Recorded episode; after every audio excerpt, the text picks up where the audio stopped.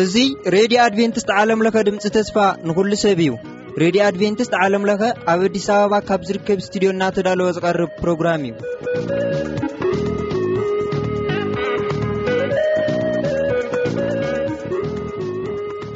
በብዘለኹም ምኸንኩም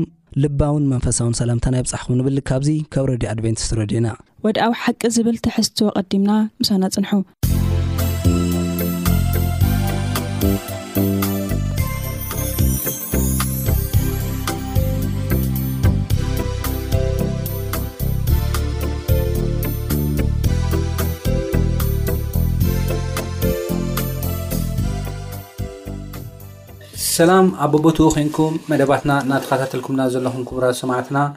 እዚ ብዓለም ለኸ ኣድቨንስ ሬድዮ እናተዳለወ ዝቐርበልኩም መደብኩም መደብ ወድዓዊ ሓቂ እዩ ኣብ ናይ ሎሚ መደብና ድማ ንሪኦ ናይ ምስጋና ህይወት ብዝብል ኣርእስቲ ኢና ክንሪኦ ማለት እዩ ከም መእተዊ ጥቕስና ኣብ ፊልጵስስ ምዕራፍ ኣርባዕተ ፍቕዲ ኣርባዕተ ዘሎ ሓሳብ ኢና ክንርኢ ብጎይታ ኩሉ ሳዕ ተሓጎሱ እዩ ዝብል እቲ ጥቕሲ። ብጐይታ ኵሉ ሳዕ ተሓጐሱ፣ ደጊመ ተሓጐሱ እብል ኣለኹ ኢሉ ጳውሎስ ክዛረብ ከሎ ኢና ንርእዮ እሞ፣ ሎሚ ምሳና ሓሳብ ክባና ሓፍትና ሰላምን ሓፍትና ቹቹን ምሳና ኣለዋ። ኣነውን ምሳኻትኩም ብምሕታት ዝጸንሕ ኣማን ፍስሃየ እየ። ክሳብ ፍጻሜ መደብና ምሳና ክትጸንሑ ዕድመና እዩ። ንጸሊ። እግዚኣብሔር ኣምላኽ ስለዚ ግዜን ሰዓትን ነመስግነካ ቃልካ ከፊትናልና እሞ ቅዱስን ክቡርን ኣዝዩ ዘደንቕን ቃልካ ድማ ክትገልጸልና ንልምነካ ኣሜን ኢየሱስ ክርስቶስ ስም ኣሜን። ሕራይ እምበኣር ከምቲ ቅድም ኢለ ዝበልክዎ ኣብ ፊልጲስ ምዕራፍ ኣርባዕተ ፍቕዲ ኣርባዕተ ብጎይታ ኩሉ ሳዕ ተሓጎሱ ደጊመ ተሓጎሱ እብል ኣለኹ ኢሉ ጳውሎስ ጽሒፉ እዩ እሞ እዚ ዝጸሓፎ ኣብ እስሪ ቤት ኮይኑ እዩ ኣብ መከራ ኮይኑ እዩ ፅሒፍሉ ከመይ ገይሩ እዩ ኣብ መከራ ኮይኑ ብጎይታ ኩሉ ግዜ ተሓጎሱ ክብል ዝኽእል ከመይ ገርና ኢና ኣብ መከራ ኮይና ሲ ንካልኦት ተሓጎሱ ተሓጎሱ ደስ ይበልኩም ንባዕሉ ተኣሲሩ እና ኣይጋጭን እዚ መልእኽቲ እዚ ከመይ ክንትሪኦ ብዝብል ሓሳብ ክጅምር ሓፍትና ሰላም ክጅምር ኣብዚ ግዜ እዚ ዝነበርዎ እንተሪኢኻ ብዛዕባ ጳውሎስን ሲላስን ሲ ብጣዕሚ ኣብ ሕማቅ ኩነታት እዮም ነይሮም ከም ዝገረፍዎም ኢና ንርኢ ኣቀዲሞም ነታ ዝገረፍሉ ምክንያት እንተሪኢናዮ ብዛዕባ እታ ጠንቋሊት እዩ ነይሩ ካብታ ጠንቋሊት ዝረክቦ ዝነበሩ ረብሓ ስለ ዝጎደሎም ከእስርዎም ከለዉ ኢና ንርኢ ማለት እዩ እሞ ከዓ ብብዙሕ በትሪ ከም ዝሃረምዎም ከም ዝገረፍዎም ኢና ንርኢ ማለት እዩ ስለዚ ኣብዚ ኩነታት እዚስ እንታይ ኢካ ትፅበ ከጉረምርሙ ንፅበ ምሽ ግን ንሶም ንእግዚኣብሄር የመስግኑ ከም ዝነበሩ ብመዝሙር ገይሮም ንእግዚኣብሄር የመስግኑ ከም ዝነበሩ ኢና ንርኢ ማለት እዩ ምስኣታቶም እውን እቶም ምስኦም ዝነበሩ ኩሎም እውን ይሰምዕዎም ከም ዝነበሩ ስለዚ ኣብቲ ቤት ማእሰርቲ ኮይኖም ንበዓሉ ሲ ወንጌል ይሰብኩ ከም ዝነበሩ ኢና ንርኢ ማለት እዩ ምክንያቱ እዚስ ኣደናቂ ነገር እዩ እግዚኣብሄር ተዘይረዲእካ ፀጋ እግዚኣብሄር ምሳካ እንተዘየሎ ወይ ከዓ እቲ ሓሳብ ኣምላኽ ተዘይተረዲእካ ሲ ኣብ ከምዚ ኩነታት ኮይንካ ክተመስግን ብስጋዊ ነገር ክትሪኦ ከቢድ እዩ ግን በዓል ጳውሎስን ሲላስን ከመስግኑ ኸለዉ፣ ክዝምሩ ኸለዉ፣ ማለት እቲ ምድራዊ ነገር ሓላፊ ምዃኑ ይርድኦም ከም ዝነበረ፣ ሰማያዊ ነገር ከም ዘሎ ይርድኡ ከም ዝነበሩ፣ ጸጋ ኣምላኽ ከኣ ኣብ ልዕሊኦም ከም ዝነበረ ምስ ረኣዩ፣ እቶም ህዝቢ ኸኣ ምስኦም የመስግኑ ከም ዝነበሩ ኢና ንርኢ ማለት እዩ። ምስኦም ይሰምዕዎም ከም ዝነበሩ ኢና ንርኢ ማለት እዩ። ስለዚ ኣብ ከምዚ ዓይነት ሽግር ኮይንካ እውንሲ ለካ ወንጌል ይስበኽ እዩ ማለትሲ ኣብ ምቾት ጥራይ ዘይኮነሲ፣ ናይ ምምስጋን መንፈስ ከም ዝነበሮም እሞ በቲ ምምስጋኖም ድማ እቲ ቤት ማእሰርቲ ከም ዝተነቓነቐ መቑሖም ድማ ከም ዝተሰብረ ኢና ንርኢ ማለት እዩ ስለዚ ናይ ምስጋና ሓይልስ ከምዚ እዩ እግዚኣብሔር ኣብ ነመስግነሉ ግዜ እግዚኣብሔር ድማ ልዕሊ ኣእምሮና ዝኾነ ነገር ከም ዝገብር ኢና ንርኢ ማለት እዩ እቲ መቑሖም ከም ተሰብረ ከም ዝተንቀጥቀጠ ኢና ንርኢ ማለት እዩ ስለዚ ሓይሊ ምስጋናስ ኣብዚ ንሪኦ ማለት እዩ ምስ እነመስግን እቲ ዘለና ጉዳይ ዘሸግረና ነገር እግዚኣብሔር ከም ዘፍርሶ ኢና ንዕዘብ ማለት እዩ እዋኡ ከዓ ምስጋና ማለት እዩ ምስጋና ስቲ ኣብ ዙርና ዘሎዉ ነገር ይልውጥ ማለት ኣይኮነን ንኣና ግን ይልውጠና እቲ ሓደ ተደጋጋሚ ዝዛረቦ መዝሙር ኣሎ ሕቶናተይ ከም ዘለዎ ይፅናሕ ነገረይ ከም ዘለዎ ይፅናሕ ንኣኻ ግን ከምልኽ እየ ዝብሉ ዘመርትንየውና እቲ ሕቶታትና እቲ ነገራትና ከም ዘሎ ክኸይድ ይኽእል እዩ ማለት እዩ ግን እቲ ምስጋና እንታይ ይገብረና ምስ ንዓናስ ብኣምላኽ ሲ ሕጉሳት ክንከውን ሙሉኣት ክንከውን እቲ ናቱ ዕቤት እናርኣና ክንሕጎስ እዩ ዝገብረና እሱ እዩ ንርኢ ኣብ ናብ ጳውሎስ ሂወት ማለት እዩ ብጣዕሚ ደስ ዝብል ሓሳብ ይክን ይኩና ናብ ጎይታ ይባርክ ቀፂለ ግን ሓፍትና ችቹ ምስጋና ሓይሊ ኣለዎ ምስ ምባል ኣታሒዙ ምስ ናይ ህዝቢ እስራኤል ከኣ ኣተሓሒዘ ክርኢ ይደሊ ህዝቢ እስራኤል እግዚኣብሄር ዝመርሖም ኣዝዩ ለምለም ብዝኾነ መሬት ኣይኮነን ፈሪሕዎም ዕንቅርቢትታውያን ብዘለዎ ካልኣይ ድማ ክወርስዎ ዝተባህለ ኣዝዩ ፅኑዕ ግንብታት ዝነበሮ ሓፁር ዝነበሮ ከተማታት ብኡ እዩ መሪሕዎም እሞ ድሓር ግን ኣብዚ ኣዝዩ ፅኑዕ ኣዝዮም ዘፍርሑ ሓያላት ወተሃደራት ዘለዎ ክሓልፉ ከለዉ ግን ሸውዓተ ግዜ ዜርኩምሲ ዓው ኢልኩም ጨድሩ ክብሎም ከሎ ኢና ንርኢ። እንታይ ማለት እዩ እዚ? እቲ ጥቕሲ ነውጽኦ እሞ ኣብ እያሱ ሓንቲ ክፍሊ ከንብብ ይደሊ። ካብኡ እቲ ሃሳብ ምእንታን ብደንቢ ክርድኣና ማለት እዩ። እያሱ ምዕራፍ ሓሙሽተ ክዓስር ሰለስተ ጀሚርና እንርእዮ እቲ ሃሳብ ሀዚ ዝበልካዮ እኒኦ ማለት እዩና ሕዚ ሓደ ሓደ ግዜ እምነትና ሲ ኣብ ልኾነ ክብ ሕዚ ሕዛ ዘላትና ዘለና እያ ስቲድዮ ሲ ክብ እያ ዋዶ ኣራት መኣዘን እያ እኒኣ ማለት ብቲ መንደቂ እኒ ብቲ ብቲ መንደቂ እዩ እኒኦ ማለት እዩ እምነትና ሲ ሓደ ሓደ ግዜ ሲ ከምኡ ክብብ ክንብል ዝገብረና ግዜ እኒኦ ማለት እዩ ሕዚ ሓደ ነገር ንዘክር ከምዚ ዓይነት ኩነታት ክንከውን ከለና ሲ እንታይ ኢና ክንርዳእ ዝግበና ሓይሊ እግዚኣብሄር ብከመይ ኢና ንርዳእ ዝግባኣና ዝብል ንርኢና ግን ቅድሚኡ ግን እቲ ጥቅሲ ከንብብ የሰብ ዝፈቱ ዝተወሰነ ክነንብቦ እዩ ልፈትና እያሱ ምዕራፍ ሓሙሽተ ሓሙሽተ ዓስር ሰለስተ ከምዚ ይብል፣ ኰነ ኸኣ፣ እያሱ ካብ ጥቓ ያርኮ ከሎ ኣዒንቱ ቃሕ ኣቢሉ ረኣየ፣ እንሆ ድማ፣ እተመልሐ ሰይፊ ኣብ ኢዱ ዘለዎ ሰብኣይ ኣብ መንጽሩ ደው ኢሉ ነበረ። እያሱ ኸኣ ናብኡ ከይዱ፣ ንስኻ ናትናዶ ኰንካ ጸላእትና? ኢሉ ይሓቶ ማለት እዩ። ንሱ ድማ ኣይፋለን፣ ኣነስ ሓለቃ ሰራዊት እግዚኣብሄር ኰይነ ደኣ ሕጂ መጺኤ ኣለኹ በለ። እያሱ ኸኣ። ብገጹ ኣብ ምድሪ ተደፊኡ ሰጊዱ፣ ጐይታይ፣ ንባርዩ ዚብሎ እንታይ እዩ? በለ። እቲ ሓለቃ ሰራዊት እግዚኣብሄር ድማ ንእያሱ፣ እዛ ደው ኢልካያ ዘለኻያ ቦታ ቅድስቲ እያ እሞ፣ ኣስንካ ካብ ኣእጋርካ ኣውጽእ፣ በሎ። እያሱ ኸኣ ከምኡ ገበረ እናበለ ይቅጽል እዚ ቦታ ማለት እዩና። ሓደ መጀመርያ እቲ ብዛዕባ እያሱ ክንርኢ ከለና፣ እያሱ ብዙሕ ምስ ሙሴ ዝሰልጠነ፣ እግዚኣብሄር ፊት ነፊት ንሙሴ ካውግኦ ከለዋ ኣብ ቤተ መቅደስ ኾይኑ ዝርአ ሰብ እዩና። ኮይኑ ግን እግዚኣብሄር ንእኡ ከምህሮ ዝግብኦ ነገር ከምህሮ ከሎ እንታይ ይብሉ ተስእቲ ኣነ ልብለካ ነገር ግበር ኢሉ ክብሎ ከሎ ንርኢ ማለት ድሕሪኡ ናይ ያርኮ ምውዳቅ ይመፅ ማለት እዩ ያርኮ ምውጣቅ ያርኮ ብመጀመርያ ካብ እስራኤል ተላዕለ ታይ ገይራ ይብል ተዓፅያ እያ ወል እታ ከተማ ተዓፅያ እያ መእተዊ ምንም ነገር የለን ዳሓረ ግን እዞም ሰባት እንታይ ገይርዎም እግዚኣብሄር እቶም ሓያላት እቶም ኣብ ያርኮ ዘለዉ ነገ ኩሎም ንኣኻ እንታይ ክገብር እየ ክህበካ እዩ በዓሉ እቲ መንደቅ በዓሉ እቲ ተነደቀ እቲ ዙርያ ናይ እንትን ሓፁር በዓሉ እኮ ኣይረአን ንላዕሊ ሃምዚኻ ትሪኦ ንላዕሊ ሃምዚኻ ትሪኦ እምበይ እንትን ኣይትብሉ ማለት ነዊሕ እዩ ማለት እዩ ድሕሪ ግን እምነት ናይ እምነት ቃል ሂብዎም እንታይ ዓይነት እምነት ቃል ሂብዎም ብምስጋና እንታይ ከም ዝግበር ዓወት ከም ዝርከብ ማለት እዩ ዳሓረግ እንታይ ገሮም ይብል እታ ከተማ ንሳ እንታይ ገሩ እዩ ተኣዚዞም ክዘርዎ ዶ ክንደይ ግዜ ሸውዓተ ሓደ ግዜ ዘይሮምስ ኣይ በቃ እታ እግዚኣብሄር ዝብላ እስካብ ዝፍፅሙ እንታይ ገሮም ይብል ሸውዓተ ግዜ ከም ዘሩ ኢና ኣብ መወዳእታ ግን እግዚኣብሄር እንታይ ገሩ ነቲ ዓወት ከም ዝሃቦም ኢና ንርኢ ማለት እዩና እዚ ብሰብ ካልኩሌሽን ዝረአ ነገር ኣይኮነን ብሰብ ኣቢልካ ትርኢ ከለካ ዕሽነት እዩ እዞም ሰባት እዚኦም ሕዚ ስው ኢሎም ዓው ኢሎም ሕዚ ጨድሩላ ኢልዎም ነይሩ ወል እቲ መጀመርያ ስው ኢሎም እዮም ዘብሩ ነይሮም ኣብታ መወዳእታ መዓልቲ ግን እቲ ልሓዝዎ ነገር ክሰብሩ እንታይ ኢና ንሪኦ እዚ ነገር እዚ እግዚኣብሄር ኣብ ዝበሎ ጸኒዕኻ ከምኡ ከዓ ኣብኡ ኮንካ ከዓ ብምስጋና ክትወፅእ ከለኻ ነገራትካ ኩሉ እንታይ ይኸውን ዝሰዓር እዩ ብመን እዩ ብናትካ ሓይሊ ኣይኮነን በቲ ተመስግኖ ዘለኻ በቲ ተኽብሮ ዘለኻ በቲ ተምልኾ ዘለኻ ኣምላክ እንታይ ይኸውን ማለት እዩ ሓይሊ ይኾነልካ ተስዕር ኢኻ ማለት እዩ እዚ እዩ ዘርእየና እና ብምስጋና ክንፀንዕ ምስጋና ኣብ ቅድሚኡ ክንመፅእ ማለት እዩ። እግዚኣብሔር ይባርኽኪ ሓፍትና ቹቹ ብምስጋና ክንፀንዕ ብምስጋና ክንነብር ዝብል ሓሳብ ዓባይ ነጥቢ ኪብትና ግን እዚ ናይ ምስጋና ህይወት ብኸመይ ኢና ክንለማምዶ ንኽእል ዝብል ሓደ ዓበ ሕቶ እዩ ናይ ምስጋና ህይወት ብኸመይ ኢና ክንለማምዶ ንኽእል መቸም ስኢሉ ዝመፅእ ኣይኮነን ናይ ያሪኮ እንተርእናዮ ናይ ምስጋና ልምዲ ብእግዚኣብሄር ብብዙሕ እዩ መፅሓፍ ቅዱስኮ ዕብራን ምዕራፍ ሓደ ብፍላይ ብብዙሕ መንገድታት እዩ እግዚኣብሄር ነጊሮም ንእስራኤላውያን ብብዙሕ መረጋገፂታት እዩ ኣምላኽ ኣቦኦም ምዃኑ ከምዘይገድፎም ከምዘይንዕቆም ኣርእዎም እሞ እዚ እምነት እዚ ዴቨሎፕ ገይሮም ተለማሚዶም እዮም ናይ እያሪኮን ሓይሊ ረኪቦም ናይ እያሪኮን ክፈርስ ዝኸኣለን ኣብዩ እሞ ንሕና ከ ናይ ምስጋና ሂወት ብከመይ ኢና ክንለማመድ እንክእል ዝብል ሕቶ ከምፅእ እክእል ኣብኡ ከለኪ ሓፍትና ሰላሙን እዚ ክትምልስና ትክእሊ ኢኪ መዝሙር ምዕራፍ ሚእትን ኣርባዓን ሓሙሽተን ከ እንታይ እዩ ዘምህረና ምስዚ ኣተሓሒዙ ምስዚ ሓሳብ እዚ ምስጋናስ ካብ ምንታይ እዩ ዝመፅእ ካብ ምስጋና እዩ ማለት ምስጋና ምስ እነመስግን ስለ ሓደ ነገር ከምኡ ከዓ ሂወትና ከዓ እንዳተለማመድናዮ ንከይድ ናይ ምምስጋን ማለት እዩ ምናልባት ምስ ናይ ደቂ እስራኤል ካብኦም ንመሃሮ ትምህርቲ እንተሎ ደቂ እስራኤልሲ ናይ ምጉርምራም ባህሪ ሒዝዎም ነይሩ በቃ ብዝተገብረሎም ነገር ንእግዚኣብሔር ኣየመስግንዋም ነይሩ ነይሩ ምክንያቱ ናይ ምምስጋን መንፈስ ኣብኦም ኣይነበረን በቲ ዝቕበልዎ ዝነበሩ ኩሉ ነገር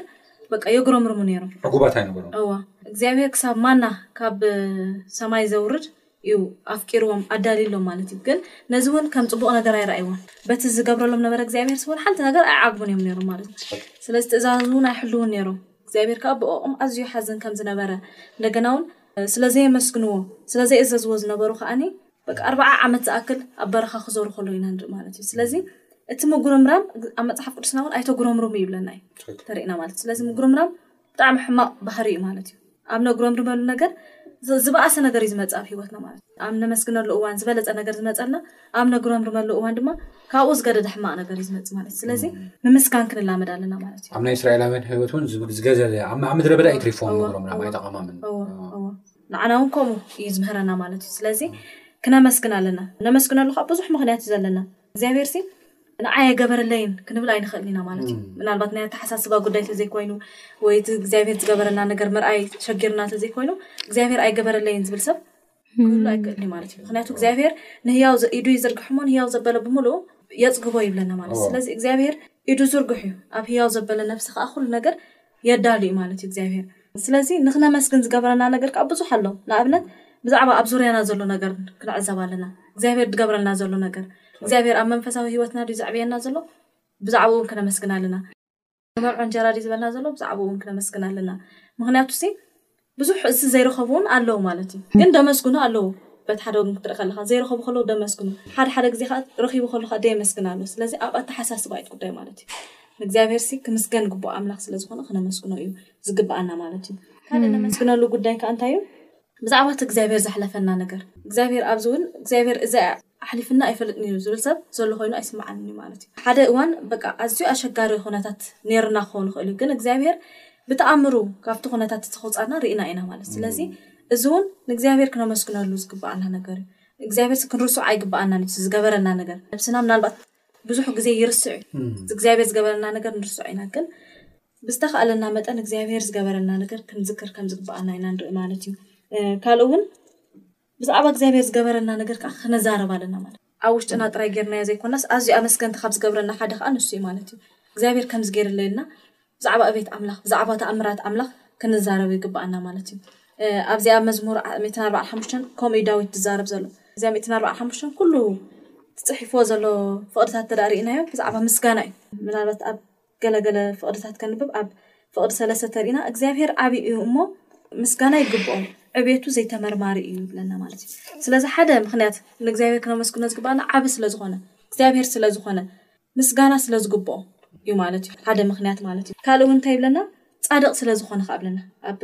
ፍቕዲ ሸውዓተ ተሪእና ከዓ እግዚኣብሔር ከዓ ፃድቕ ስለዝኾነ ፃድቕ ፈራዲ ስለዝኾነ ኣብ ሓሳቡ ስለ ዘይጋገ ኣብ ተግባሩ ስለ ዘይጋገ ከኣ ክነመስግኖ ይግብኣና ማለት እዩ። ካልእ ውን እግዚኣብሄር መሓርን ርሕሩሕን እዩ ይብለና ኣብ ፍቅሪ ሸሞንተ ከኣ ዓቃልን ብሳህሊ ዓብይን እዩ ይብለና ስለዚ እግዚኣብሄር ፈቃርን ርሕሩሕን ዓቃልን ዓብይን ስለ ዝኮነ ከኣ ክነመስግኖ ይግብኣና ማለት እዩ። ስለዚ ንእግዚኣብሄር ነመስግነሉ ነገር ብዙሕ ኣለና ማለት እዩ። ብጣዕሚ ደስ ዝብል ሓሳብ እዩ ቅድም ኢላ ሓፍትና ሰላም ሲ እንታይ ትብል ነይራ ወላ ኣብ ፈተና ንጉስሲ ከነመስግኖ ኣለና ምክንያቱ ብዙሕ ነመስግነሉ መንገድታት ኣሎ እንተ ርኢና እንተ ኣስተውዒልናዮሲ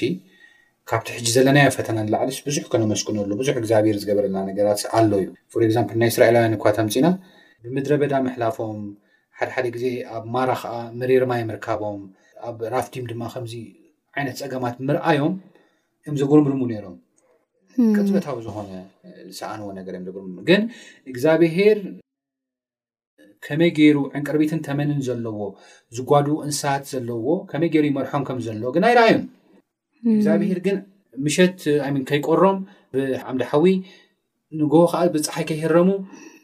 ብዓምደመና ገይሩ ይመርሖም ከም ዝነበረ ግን እዚ ግን ኣይረኣዩን እግዚኣብሄር ግን ብማና መዓልቲ መዓልቲ ግዴታ እኮ ይብሉ ማና ዕለት ዕለት እናውረደ ፍረፃቅዳ እናውረደ የቅልቦም ከም ዝነበረ ግን እዚ ግን ኣይረኣዩን መቸም ብዘይ ምግቢ ሰብ ኣይከይድን እዩ ድሓር ማና ሰልቺና ምስ በሉ ከዓ ስጋታትን ዝሃቦም ግዴታ ይብሉ ስለ ዘፍቅሮም እዩ እና ከምታ ሰላም ሓፍትና ዝበለቱ እዚ ሕጂ በፅሕካ ዘሎ በፅሕኪ ዘሎ ፈተና ኣዝዩ ከቢድ እኳ ተኾነ ንክተጉርምርም ዝገብር ነገር ከተኾነ ካብኡውን ላዕሊ ግን ከነመስግን ዝገብር ነገር ኣለዎ ንምባል ዘለ እሞ ምስ ተሓሒዙ ናይ ጳውሎስን ናይ ሲላስን ሂወት እስከ ንርኢ ሓፍትና እወ ጽቡቕ ሕዚ እዞም ጳውሎስን ሲላስን ኣብ እስሪ ዘእተዎ ምክንያት ኣለዎ ዶ ኣጥፊኦም ኣይኮነን ብሽም እግዚኣብሄር ስለ ዝሰርሑ ሓይሊ እግዚኣብሄር ስለ ዝገለጹ እዮም ናብ ማእሰርቲ ኣትዮም እና ኣብ ግብሪ ሃዋርያ ምዕራፍ ዓስር ሽዱሽተ ካብ ዓስር ሽዱሽተ ጀሚርና ኢና እዚ ታሪክ እዚ ንረክብ ድሓረ እቶም ደቂ እግዚኣብሄር ናብቲ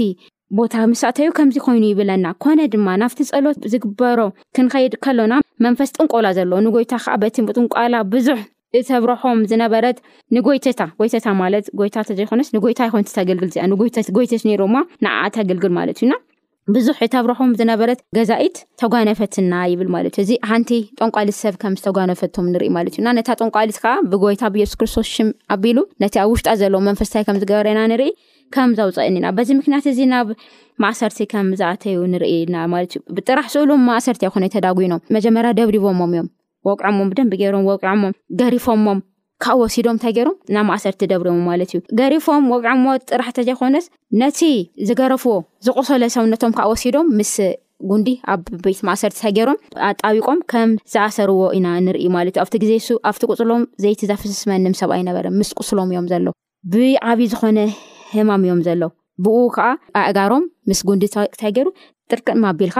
ተኣሲሩ ከም ዝነበረ ኢና ንርኢ ማለት እዩና እዚ ኩሉ ኮይኑ ከሎ ጳውሎስን ስላስ እንታይ ገይሮም ይብል ይዝምሩ ነይሮም ይብል እቲ መዝሙሮም እንታይ እዩ ነይሩ እንድዒ መቸም ከምቲ ላርኣና ከም ልመፃናዮ ዕቤት እግዚኣብሄር እዩ ዝኸውን ማለት እዩ ነቲ እሱ ኣብ ሂወቶም ዝገብር ዘሎ ስራሕ እዩ ዝኸውን ማለት እዩ ነቲ ናታቶም ስቃ ኣይኮነን እግዚኣብሄርሲ ነታ ጥንቆላ መንፈስ ዝነበረ ሰብ መንፈሳ ንክሪኡን ነቲ መንፈስ ሱ ነከብሉን ነዛ ሰብ እዚኣ ነፃ ካውፅኡን ስለዝገበሮም በቲ እግዚኣብሄር ንኦም ኣብ ሰርሖም ስራሕ ተደሪኾም ይዝምሩ ከም ዝነበሩ ኢና ንርኢ ማለት እዩና ድሓር እቲ መሬት እንታይ ገይሩ ይብል መሬት ተንቀጥቀጠ ይብለና ንባዕሉ እኮ ብዛዕባ እስር ቤት ክንርኢ ከለና ዝፀሓፍናዮ መእተዊ ጥቕስና ተሪእኺዮሲ ኣብ ከምዚ ዓይነት እስራት ኮይኖምሲ ነቶም ዝፅሕፉሎም ዝነበሩ ደብዳቤስ ብጎይታ ኩሉ ሳዕ ተሓጎሱ ደጊመ ይብል ኣለኹ ተሓጎሱ እዚ ሞስት ፕሮባብሊ ተኣሲሮም ከለዉስ ምናልባት ናይ ምስጋና ናይ ሓጎስ መዝሙር ክኸውን ይኽእል ኢለ ይግምት ምናልባት መዝሙር ኣይተነገረናን መዝሙር ግን እቲ ካብቲ ደብዳቤ ኣብ እስሪ ቤት ኮይኖም ኣብ ስቃይ ኮይኖም ዝፀሓፍሎም ደብዳቤ ብጎይታ ተሓጎሱ ትክክል ከይትጠዓሱ ብጎይታ ምሕጓስ ማለት ከዓ እዚ እዩ ምዃኑ ማለት እዩ እዚ ስጋዊ ነገርካ እዚ መቸም ቁስሊ ቆሲልካ ሲ ዋይ ፈውሰኒ ዳህሰኒ ብሽምካ ሳም ዝኾይነ እየ ረኣየኒ ባዚ ንዓ መፃእ ገለ ኢካ ትብልዎ ዶ ቆሲሉ ነፍስካ ላደመየ ገለስ ክትዝምር ኣይመፀልካን እዩ ከመይ ኢሉ ይመፀልካ ሃና ኣብቲ ኣብ ጥቃና እኒኦ ኣምቶ ሰላም ሃፍትና ትብል ፀኒሓ ሃፍትና መጀመርያ ክፍልና እና እንታይ እዩ እቲ ኩነታት ናትካ እዩ ዝረአካ እቲ ዝለለካዩ ስቃ እዩ ዝረአካ እሞ ኣብቲ ስቃይካ ከዓ ንዓብፀሐለይ ገሌካ ትብል ንጎይታ ማለት ምስጋና ግን ካብኡ ልዕሊ ምኳኑ ልዕሊ ክዚ እንዛረቦ ነገር ከም ዝኮነ ኢና ንርኢ ድሕሪኡ እቲ መሬት እንታይ ገይሩ ይብል ተንቀጥቀጠ እቲ ማእሰርቲ ዘለው ሰብ ኩሉ ከዓ እቲ መቑሒቲ ተኣሲሩ ዘነገር ኩሉ ተፈትሑ ማለት እዩ እቲ በሪ እውን ተኸፊቱ ዳሓረ ግን እቲ ኣለቃ ሚእቲ እቲ ኣብ ልህልዎም ዝነበረ ሰብ ደንጊፁ መፅኡ ክርኢ ከሎ ኩሎም ኣው እኒኦ ካብ ጳውሎስ እንታይ ኢሉ ይብል ኣህና ናበይ ማይኸናን ኣለና ኩለና ስለዚ ንባዕልካ ምንም ከይትገብር ኣብስኻ ከይትጎድእ ክብል ከሎና ንሪኢና ዕላማ እዚ ነገር እዚ እንታይ እዩ ኣብ መወዳእታ እንታይ ይኮይኑ ይብል እቲ ሰብ ንሱ እንታይ ገይሩ እቲ ናታቶም ምፍታሕ ገለገለ ካብኡ ዳሓር እንታይ ገይሩ ኣኣ እሳቱ እስኻትኩም እትኣምንዎ ኣምላኽ ኣበይ እዩ እኒኦ ንዑ ውሰዱኒ ናብቲ ኣምላኽኩም ኢሉ ክኸድ ከሎ ኢና ንርኢ ማለት እዩ ምን- ምስ ቤቱ ምስ በዓሉ ከም ዝተጠመቐ ኢና ንርኢ ማለት እዩና አ፣ ጳውሎስ እዚ ሓሳብ እዚ ኣብ ፊልጲ ምዕራፍ ሓደ ፈቕዲ 29 ጀሚርና ክንርኢ ከለና ከምዚ ኢሉ ክነግሮም ከሎና ንርኢ እዚ ሓሳብ እዚ ኣንቢበ ናብ መወዳእታ ከምፅኦ እየ ኣብ ፊልጵስዩስ ምዕራፍ ሓደ ካብ 29 ጀሚሩ ከምዚ ይብል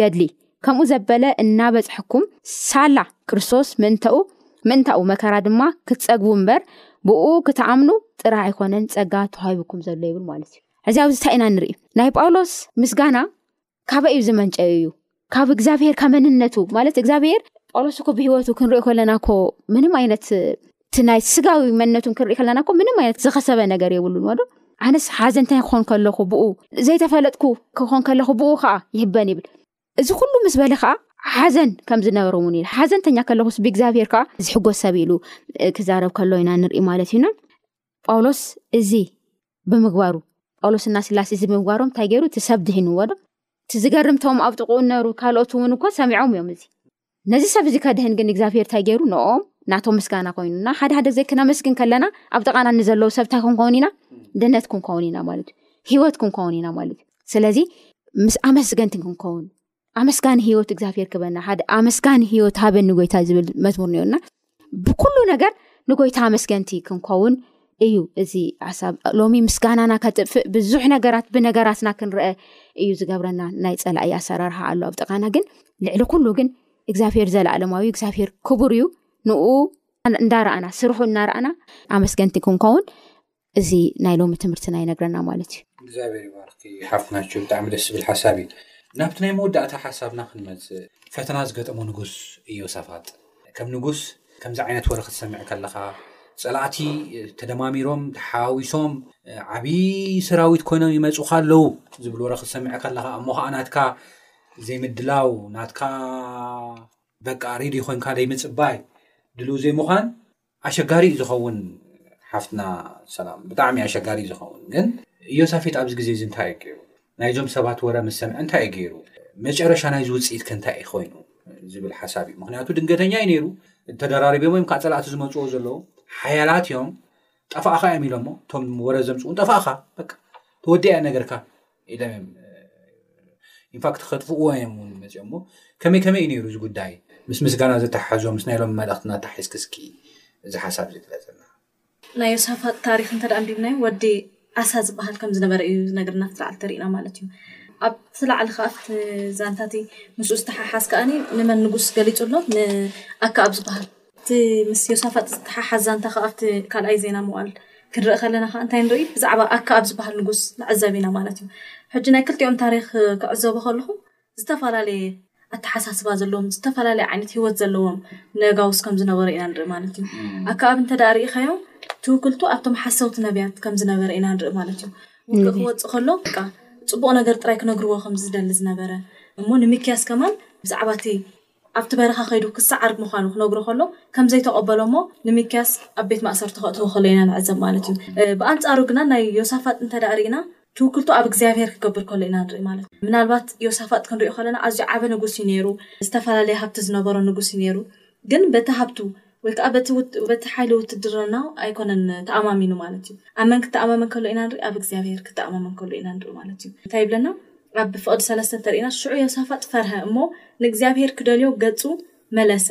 ካብ ብዘሎ ይሁዳ ጾም ኣወጀ ይብለና። ኣብ ብዘሎ ይሁዳ ድማ ጾም ኣወጀ። ስለዚ ዮሳፋጥ ኣብ እግዚኣብሄር ተወኪሉ ነቶም ህዝቢ እውን ኣብ እግዚኣብሄር ክውከሉ ከም ዘለዎም ኣሚኑ ጾም ክእውጅ ከሎ ኢና ንርኢ ማለት እዩ። ስለዚ ረድኤትሲ ኻብ እግዚኣብሄር ምዃኑ ኣሚኑ ንእግዚኣብሄር ክልምኖ ኸሎ ኢና ንርኢ ማለት እዩ። ደሓር ከኣ እግዚኣብሄር ክረድኦ ኸሎ ኢና ንርኢ ማለት እዩ። ኣብ ዓሰርተ ክልተስ እንታይ ኢሉ ክጽሊ ከሎ ንርኢ፣ እወ ኣምላኽና፣ ኣይትፈርዶምን ዲኻ? ንሕናስ ኣብ ቅድሚ እዚ ዝመጸና ዘሎ ዓብዪ ጭፍራ ሓይሊ የብልናን፣ እንታይ ከም እንገብር ከኣ ኣይንፈልጥን ኢና፣ ኣዒንትና ግና ናባኻ ይጥምታ ኣለዋ ኢሉ ኣብ እግዚኣብሄር ትውክልቱ ክገልጽ ከሎ ኢና ንርኢ ማለት እዩ። ስለዚ እግዚኣብሄር ምስ ንውከሎ ኸኣ ከም ዘየሕፍረና ኸኣ ካብዚ ንመሃሮ ዓቢ ትምህርቲ እዩ ማለት እዩ። እንታይ ክብሎም ከሎ ኢና ንርኢ እግዚኣብሄር ክምልሰሎም ከሎ ኣብ ፍቅዲ ዓሰርተ ሸውዓተ ኣቱም ይሁዳን የሩሳሌምን ንስካትኩምሲ ኣብዚ ኣይክትዋግኡን ኢኩም ንቅድሚት ኣቢልኩም ደኣ ደው በሉ እሞ እቲ ምድሓን እግዚኣብሄር ምሳካትኩም ከም ዘሎ ረኣዩ ኣይትፍርሁን ኣይትሸበሩን ከኣ ጽባሕ ኣብ ቅድሚኦም ውጹ እግዚኣብሄር ድማ ምሳኻትኩም እዩ ክብል ከሎ ንርኢ ማለት እዩ ስለዚ እግዚኣብሄርሲ በቃ ንውግእ እውን ክስለፉ ወይ ከዓ ናብቲ ውግእ ከምዘይኣትዉ እዩ ነጊርዎም እንታይ ደኣ ጠጠው ኢሎም ከም ዝርእይዎ ጠጠው ኢሎምሲ ክሰዓሩ ከለዉ ጸላእቶምሲ ከም ዝርእይዎም እዩ እግዚኣብሄር ኣብዚ ተስፋ ዝኽቦም ከሎ ንርኢ ማለት እዩ ስለዚ ተኣምራት እግዚኣብሄር ኢና ካብዚ ንምሃር ማለት እዩ እግዚኣብሄርሲ ማዕረ ክንደይ ነቶም ዝፈርህዎስ ከም ዝርከበሎም ነቶም ዝልምንዎ ነቶም ዝምህለሉስ እግዚኣብሄርስ ኸም ዝበጽሖም ኢና ካብዚ ንጉስ እዚ ንመሃር ማለት እዩ። ሽዑ ዮሳፋጥ ከኣ ብገጹ ናብ ምድሪ ፍግም በለ፣ ብዘለዉ ይሁዳ ኣብ የሩሳሌም ዝቕመጡ ዝነበሩ ከኣ ንእግዚኣብሄር ክሰግዱሉ ኣብ ቅድሚ እግዚኣብሄር ብገጾም ተደፍኡ ይብለና ማለት እዩ። ስለዚ ንእግዚኣብሄር ከም ዘመስገንዎ በዚ ነገር እዚ ኢና ንርኢ ማለት እዩ። ኣብኡ ከኣ እንርእዮ ነገር እንታይ እዩ? ናይ ዮሳፋጥ ተራ ከኣ ዮሳፋጥ። ናይ